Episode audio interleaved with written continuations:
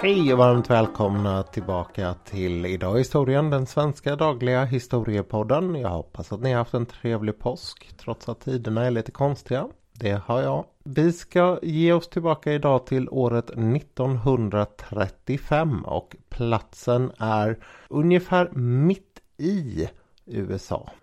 Centrum för det här området det är det som i USA kallas för The Oklahoma Panhandle. Det är alltså, om man tittar på en karta över USA, det som ser ut som ett handtag på Oklahoma ifall man tänker sig att det är en kastrull.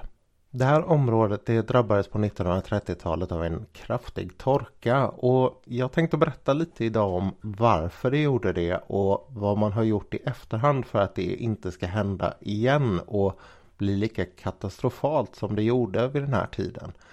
Och det som är mest känt det är ju just det här dammet, de stora dammolnen som drar fram. Det är därför det kallas för The Dust Bowl. Det värsta molnet kom just den här dagen. Och den 14 april är 1935 en söndag så folk är ute för att solen har tittat fram för första gången på ganska länge genom den dammiga luften. Och man har gett sig iväg för att göra olika saker, gå till kyrkan och sådana här saker som man använder en söndag till. Men helt plötsligt så uppenbarar sig en enorm svart vägg vid horisonten.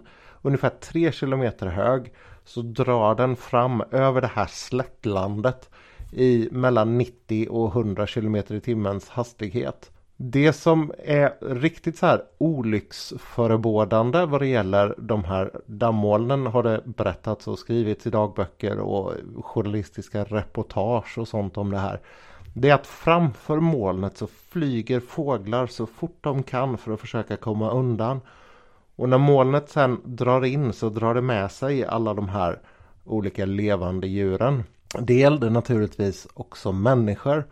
Och i vanliga fall så sprang man ju så fort man kunde inomhus och stängde om sig.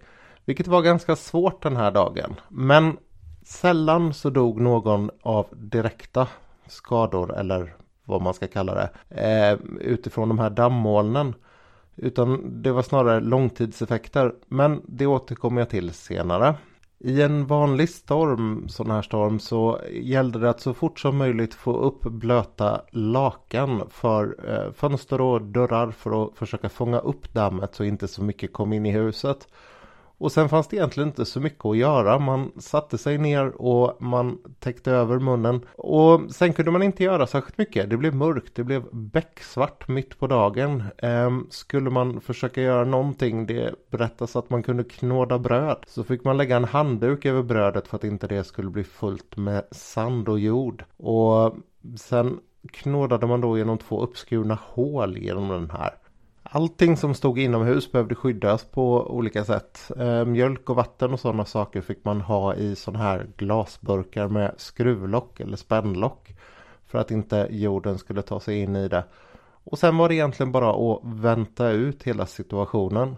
När det var klart så var det inte ovanligt att man fick gräva sig ut. Det var väl lite beroende på åt vilket håll man hade dörren.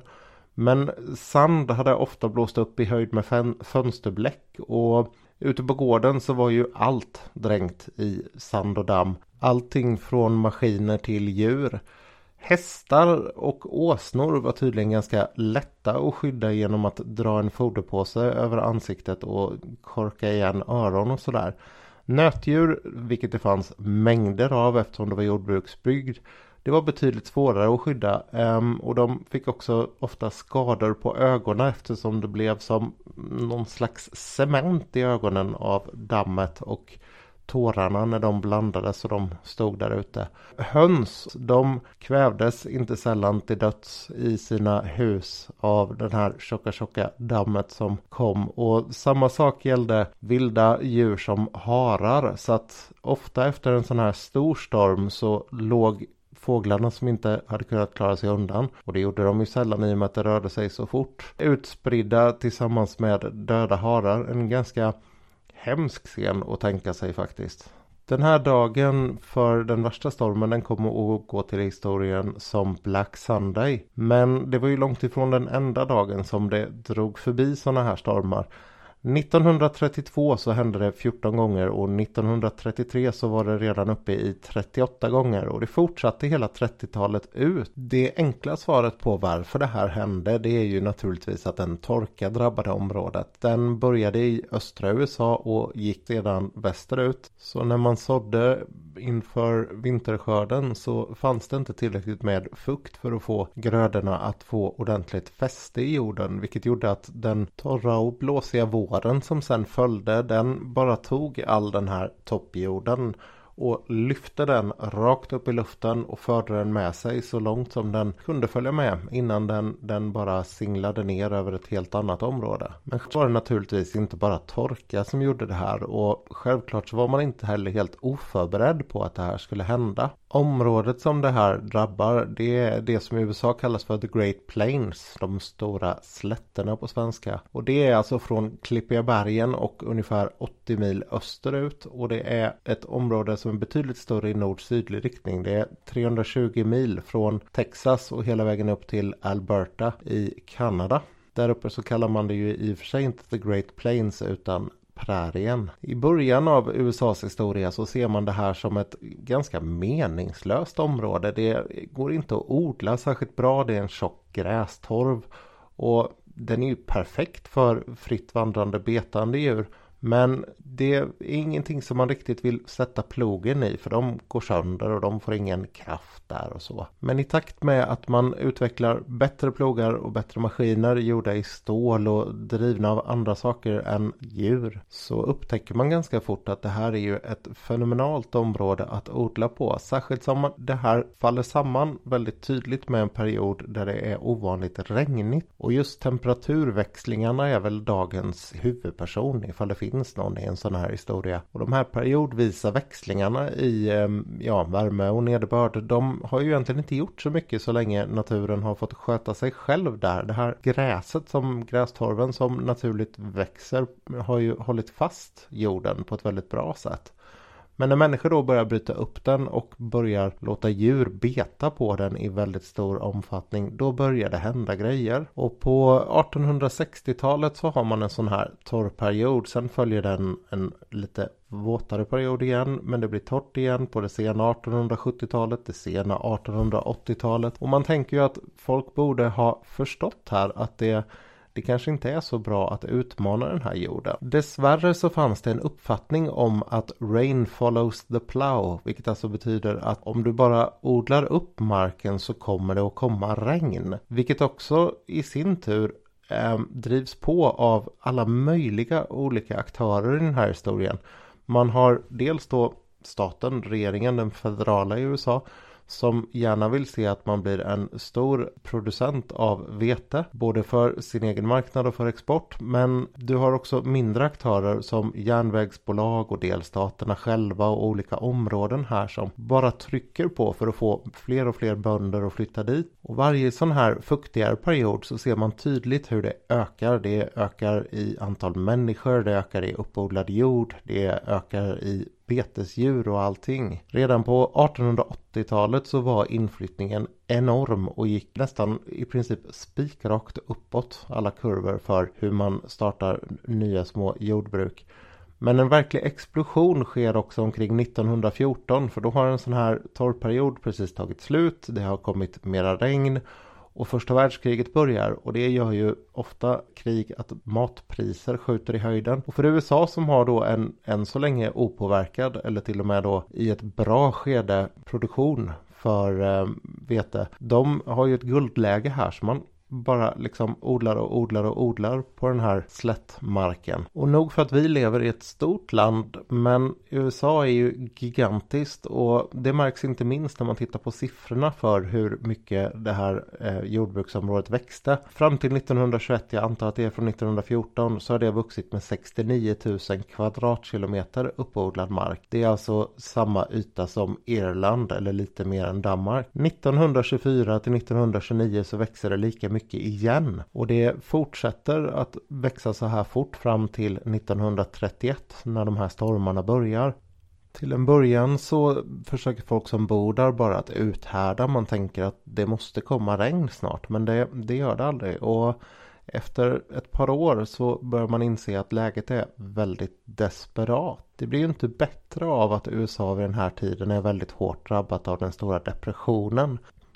Mycket av det man gör på annat håll i landet för att stimulera både ekonomi och arbetsmarknad det blir direkt kontraproduktivt för det här området. När det gäller jordbruket så försökte man på många sätt att hålla nere produktionen genom New Deal-stödet som delades ut. Då kunde det vara saker som att man till exempel bara plöjde ner grödor som hade vuxit upp istället för att få ut dem på marknaden. Och det gör ju ingen nytta i ett område där problemet är just att produktionen har försvunnit och där jordarna bokstavligen lyfter och försvinner iväg med vinden. Ett märkligt sammanträffande är dock att precis veckan innan den här Black Sunday så är det en man som heter Hugh H. Bennett som har vittnat inför kongressen. Han har där berättat om att det är inte så enkelt som att vädret har slagit om utan väldigt mycket av det här problemet har med människan att göra. Vilket är en väldigt impopulär uppfattning. Det är ju aldrig kul när någon kommer och säger att någon har gjort fel. Men som så ofta höll jag på att säga, men som ibland händer i historien så är man precis, precis på rätt plats vid rätt tillfälle. Och det här tillfället det är första gången som en sån här vind har lyft ända bort ifrån The Dust Bowl och tagit sig hela vägen till Washington DC. Så han går bara över till fönstret, drar bort gardinerna och säger kolla det är det här som händer. Det är den här dammet som drar in över vår stad nu. Som jordbrukarna borta på slätterna skulle fyllt sina lador och våra kassakistor med egentligen. Det här leder till att man ganska fort börjar agera och man börjar agera på väldigt många olika sätt. Ehm, nya sätt alltså, till skillnad från de vanliga New Deal-sätten. Man inser att det här är ett separat problem.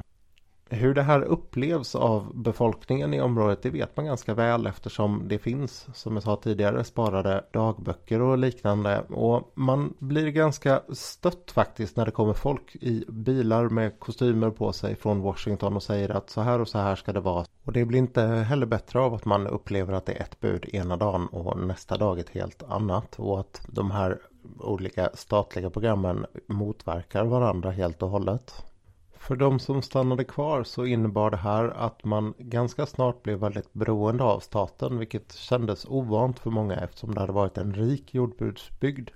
Men i takt med att man insåg att man var tvungen att få de som bodde i The Rust Bowl med sig för att kunna göra någon ändring på situationen så ökade acceptansen för det här. Om man ser det här som en enskild del i den stora New Deal-hjälpen så är det ganska udda projekt på så sätt att man väldigt tydligt lämnar över ansvaret till gräsrotsnivån. Och det har faktiskt bara fört gott med sig. Man fick en utbredd eh, acceptans i området för vad man ville göra. Och vad man ville göra var att man ville ta den allra mest känsliga marken och återplantera gräs. Så den köpte man upp och erbjöd bönderna att bosätta sig på andra ställen. Men man ville också lära ut nya tekniker och olika sätt att förbereda sig för sådana sådana här perioder. Och det har man sett tydligt att det har lyckats. Inte bara så har folk tagit väl hand om sin mark på ett helt annat sätt än tidigare. Utan när sådana här torrperioder har kommit tillbaka vilket de har gjort med ungefär samma regelbundenhet så har effekterna blivit väldigt mycket mindre. På både 50-talet och 70-talet så har sådana här torra perioder varit tillbaka. Och de har inte alls fått samma radikala konsekvenser som det fick på 1930-talet. De radikala konsekvenser jag syftar på är ju i första hand då att det här området som var ungefär totalt sett 400 000 kvadratkilometer, det vill säga lite mindre än hela Sverige. Det drabbades av en enorm utflyttning. Ungefär en fjärdedel av alla som bodde där flyttade därifrån och det var motsvarande 2,5 miljoner människor. Vilket är den största folkflyttningen i USAs historia. För de som stannade kvar så förändrades livet tydligt. När så många människor försvann så stängde oundvikligen skolor och affärer och andra typer av service man behövde för att kunna hålla vardagen igång. Jordbruken de gick så pass dåligt så att från 1937 så var statliga bidrag den största inkomstkällan i området. Och dessutom så var man ju väldigt påverkad rent hälsomässigt. Det som drabbades folk kallades för dust pneumonia, ungefär dammlunga. Och det var ju den ständiga exponeringen för det här finkorniga dammet som förstörde både luftvägar och lungor. För den drabbade så innebar det här att man länge gick och hostade upp stora klumpar med damm och att eh, andningskapaciteten avtog tills man dog oftast. Och precis som i dagens tider med Corona så drabbade det ju hårdare de som redan hade någon typ av bekymmer. De som istället valde att flytta drabbades av helt andra problem. Den mest kända skildringen av det här är John Steinbecks Vredens druvor som gav honom både Pulitzerpris och senare ett Nobelpris. Steinbeck växte upp i Kalifornien och när han jobbade som journalist så såg han hur de här Dust Bowl Refugees, alltså flyktingarna från det här området, kom till Kalifornien och hur illa de behandlades av människor som redan fanns där. En kort period så hade man poliser som stod vid delstatsgränsen och försökte övertyga folk om att de inte skulle komma in. Senare så var det allting från regelrätta attacker till hur dåligt de betalades och läts bo som upprörde många. Kalifornien hade före den stora depressionen ungefär 125 000 mexikanska gästarbetare som man bestämde sig för att skicka hem. Och det var deras dåligt betalda jobb som de här utflyttade nu tog. Smeknamnet i folkmun på dem var Okies som syftade på att de kom från Oklahoma.